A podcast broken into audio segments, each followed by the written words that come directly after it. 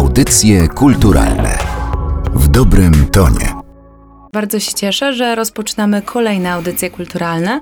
Przy mikrofonie Aleksandra Galant. Jest w Warszawie na Starym Mieście taki mały, biały, piętrowy domek. Ten domek ma czerwoną dachówkę. Jest trochę z boku, bo przy ulicy Brzozowej i od jakiegoś czasu oficjalnie znajduje się tam Lengrenówka. Miejsce ze Zbigniewem Lengrenem, znanym polskim grafikiem, autorem rysunków, komiksów, związane było zawsze, ale nie od zawsze pod swoimi skrzydłami miało je Muzeum Karykatury. A o tym, co dzisiaj dzieje się w Lengrenu, kto może tam zaglądać i co ewentualnie może znaleźć, opowie dyrektor Muzeum Karykatury, pan Paweł Płoski. Witam w audycjach kulturalnych. Dzień dobry. Zacznijmy może od tego, jak to się stało, że ten budyneczek przy Brzozowej stał się filią obiektem, które pod swoimi skrzydłami ma Stołeczne Muzeum Karykatury. To był pomysł moich poprzedników, którzy zorientowali się, że jest do dyspozycji dawne mieszkanie i dawna pracownia Zbigniewa Lengrena i rozpoczęli starania o to, żeby Muzeum Karykatury, które samo nie należy do obiektów o największej kubaturze,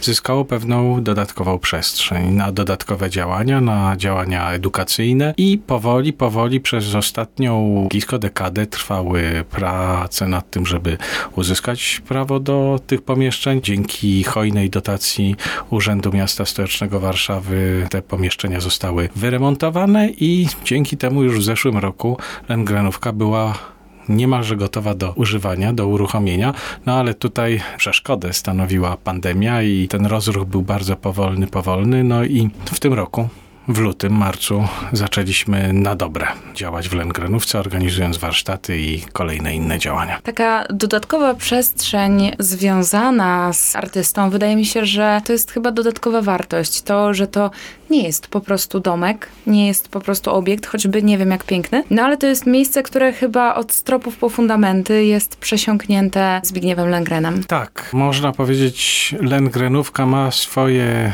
genius loci, czy mówiąc angielska genius loci. Mamy poczucie i wierzymy w to, że duch Zbigniewa Lengrena nam towarzyszy, że sprzyja naszym działaniom. Myślę też, że podejmujemy aktywności, które nie spotkałyby się z dezaprobatą. Zajmujemy się rysunkiem, zajmujemy się pracą z młodymi ludźmi, zapraszamy na warsztaty także dorosłych.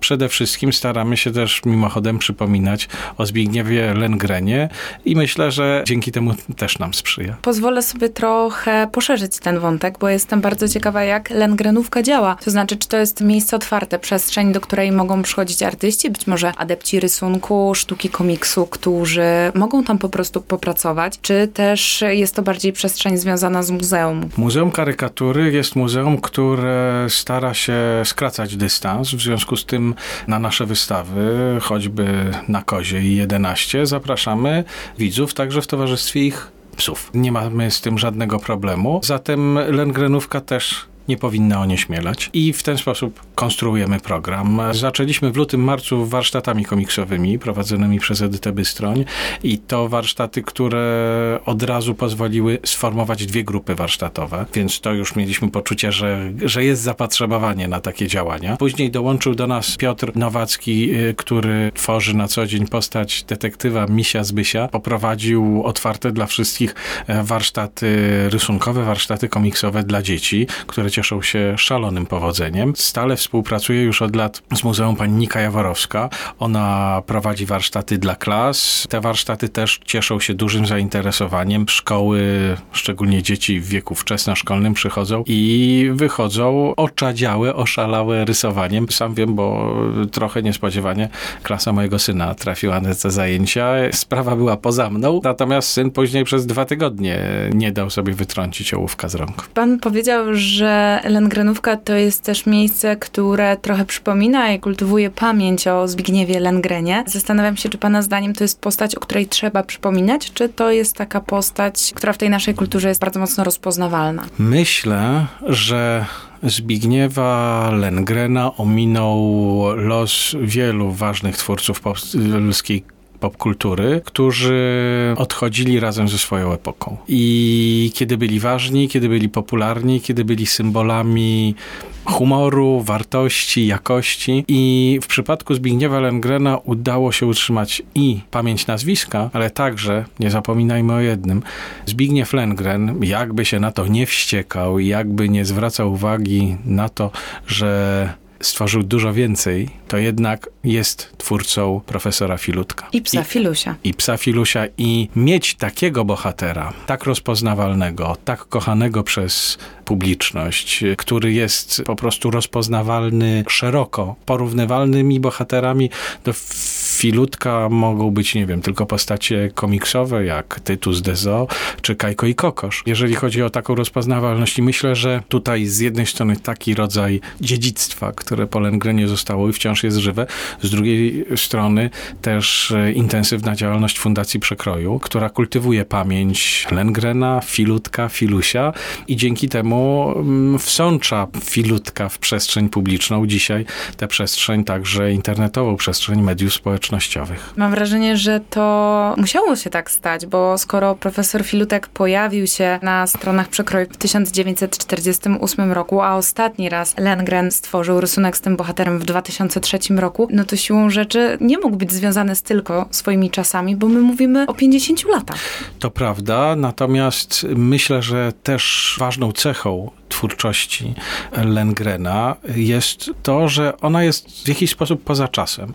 Udało mu się tworzyć rysunki humorystyczne, odwołujące się do cech ludzkich, do obyczajów, do sposobu zachowania się, które są nieprzemijające. Z drugiej zaś strony wiele jego rysunków opowieści o Filutku, podszytych jest absurdem, nonsensem, który też opiera się czasowi i nie trąci myszką tak szybko jak inne rodzaje humoru. I myślę, że tutaj też udało się Lengrenowi wstrzelić w taką szansę na ponadczasowość. Która jednak trafiała do czytelników z różnych pokoleń przez lata, dla których ten humor, ten żart, w ogóle charakter postaci trafiał, on się nie nudził. Gdyby było inaczej, to nie towarzyszyłby nam przez 50 lat. To prawda i myślę sobie, że to też była wartość tego, że, że zmieniali się redaktorzy przekroju, a filutek trwał. To bardzo trudne w polskiej kulturze i w polskim funkcjonowaniu, żeby coś trwało niezmienne na tych samych łamach. Był redaktor, który podjął decyzję o rezygnacji ze współpracy ze Zbigniewem Lengrenem i myślę, że to ze strony tego redaktora był potworny błąd i, i, i sygnał, dowód niezrozumienia tego, co jest wartościowe, a co nie.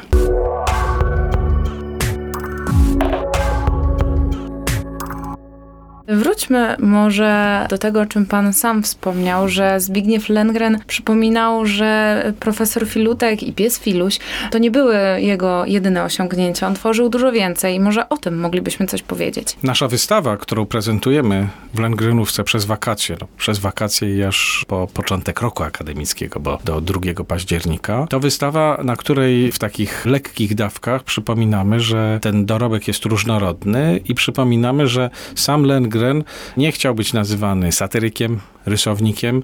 On proponował określenie humorysta. Pracuje w humorze i z tym wiąże się także zakres jego działalności.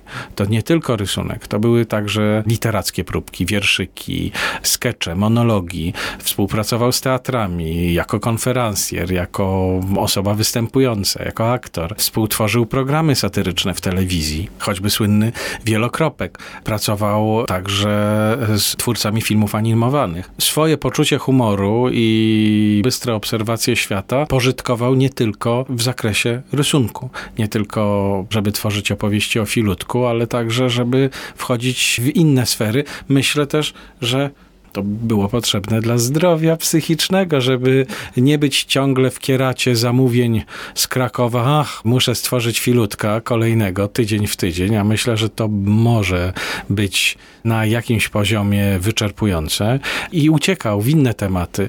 Także dzięki temu, że miał liczne zamówienia. No, uwielbiam wydania przygód doktora Doolittle z rysunkami Zbigniewa Lengrena i tak właściwie sobie wyobrażam doktora Doolittle w cylindrze i z taką niedużą, brudką hiszpanką. Z drugiej strony też pamiętane i lubiane żarty średniowieczne. Śmiałem się, że to właściwie taka pod średniowiecznym, starodawnym anturażem też Zbigniew Lengren dostrzegał rozmaite e, e, bolączki współczesności, a ten kostium średniowieczny, pludry i ciżemki pozwalał pewne rzeczy pokazać nie wprost. To chyba jest cecha dobrego humorysty, pożyczę sobie to słowo, że tak e, bardzo wnikliwie i chyba też z odpowiedniego dystansu obserwuje rzeczywistość i chyba ten dystans pozwala dostrzec to, co w tej rzeczywistości jest naprawdę karykaturalne. Z tego co wiem, tak jak rozmawialiśmy z panią Katarzyną Lengren, córką, czy Marią Lengren, wnuczką,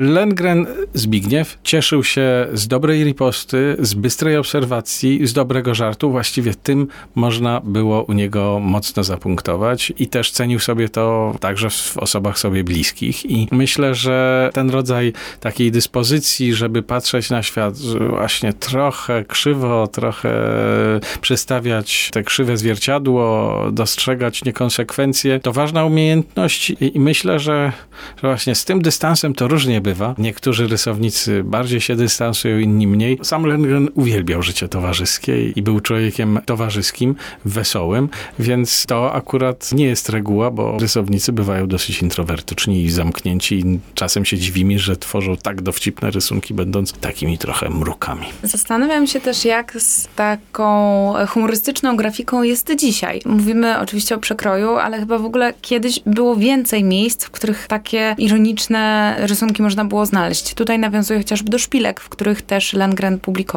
no, dzisiaj tego jest chyba zdecydowanie mniej, ale z drugiej strony jest internet, w którym znajduje się miejsce na wszystko. Karykatura właściwie zniknęła z łamów prasy i, i nikt nie zamawia portretów, które nie są idealne.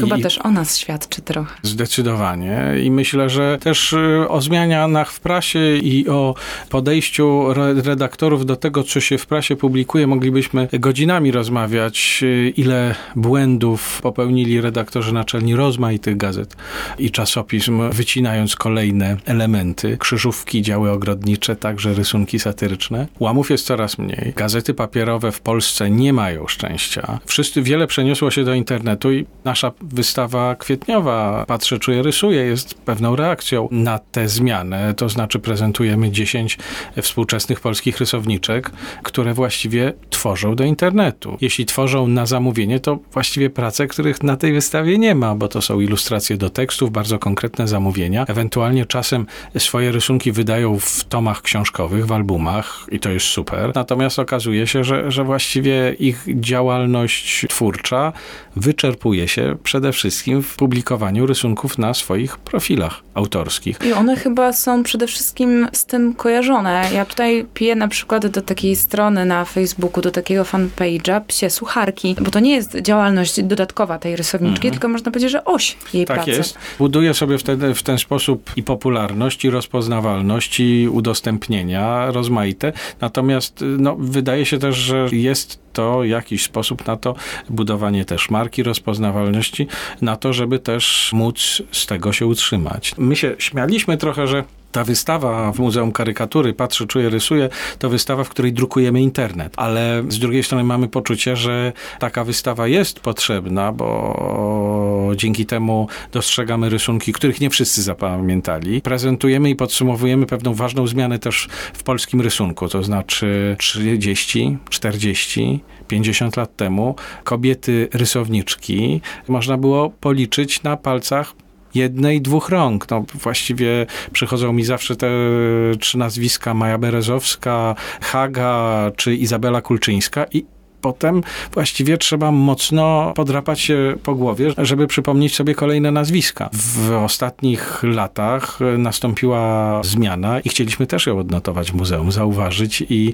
spojrzeć z perspektywy rysowniczek na świat, na współczesność i myślę, że z powodzeniem rysunek nie zginął. Rysunek jest wciąż potrzebny. Fakt, że pojawiają się pytania, kiedy wystawa memów w Muzeum Karykatury, pożyjemy, zobaczymy. Memy w jakimś stopniu robił też Zbigniew Lengren, bo w naszych zbiorach są jego fotorysunki, to znaczy rysunki wykonywane na fotografiach, które sam robił albo znalazł w czasopismach. I to jest chyba dość bogata kolekcja. Kilkadziesiąt prac. Maria Lengren śmieje się, że to taki dziadkowy Photoshop. Były na przykład takie dopiski do klasycznych obrazów. No, fiołki jako żywe mogłyby wstawić taki rysunek przygotowany przez Lengrena. W związku z czym też Lengren w swoich poszukiwaniach humorystycznych robił rzeczy, które no dzisiaj robimy za pomocą programów graficznych. On to sam wszystko ręcznie wykonywał. Miał znakomity warsztat i to wszystko znakomicie wychodziło. W ten sposób widzę pewne no, takie ciągi rozwojowe, czy pewne motywy, które wracają i to jest fantastyczne. Natomiast zdecydowanie widać, że rysunek inaczej funkcjonuje w sferze publicznej i dążąc do puenty, też zmienił się jego odbiór.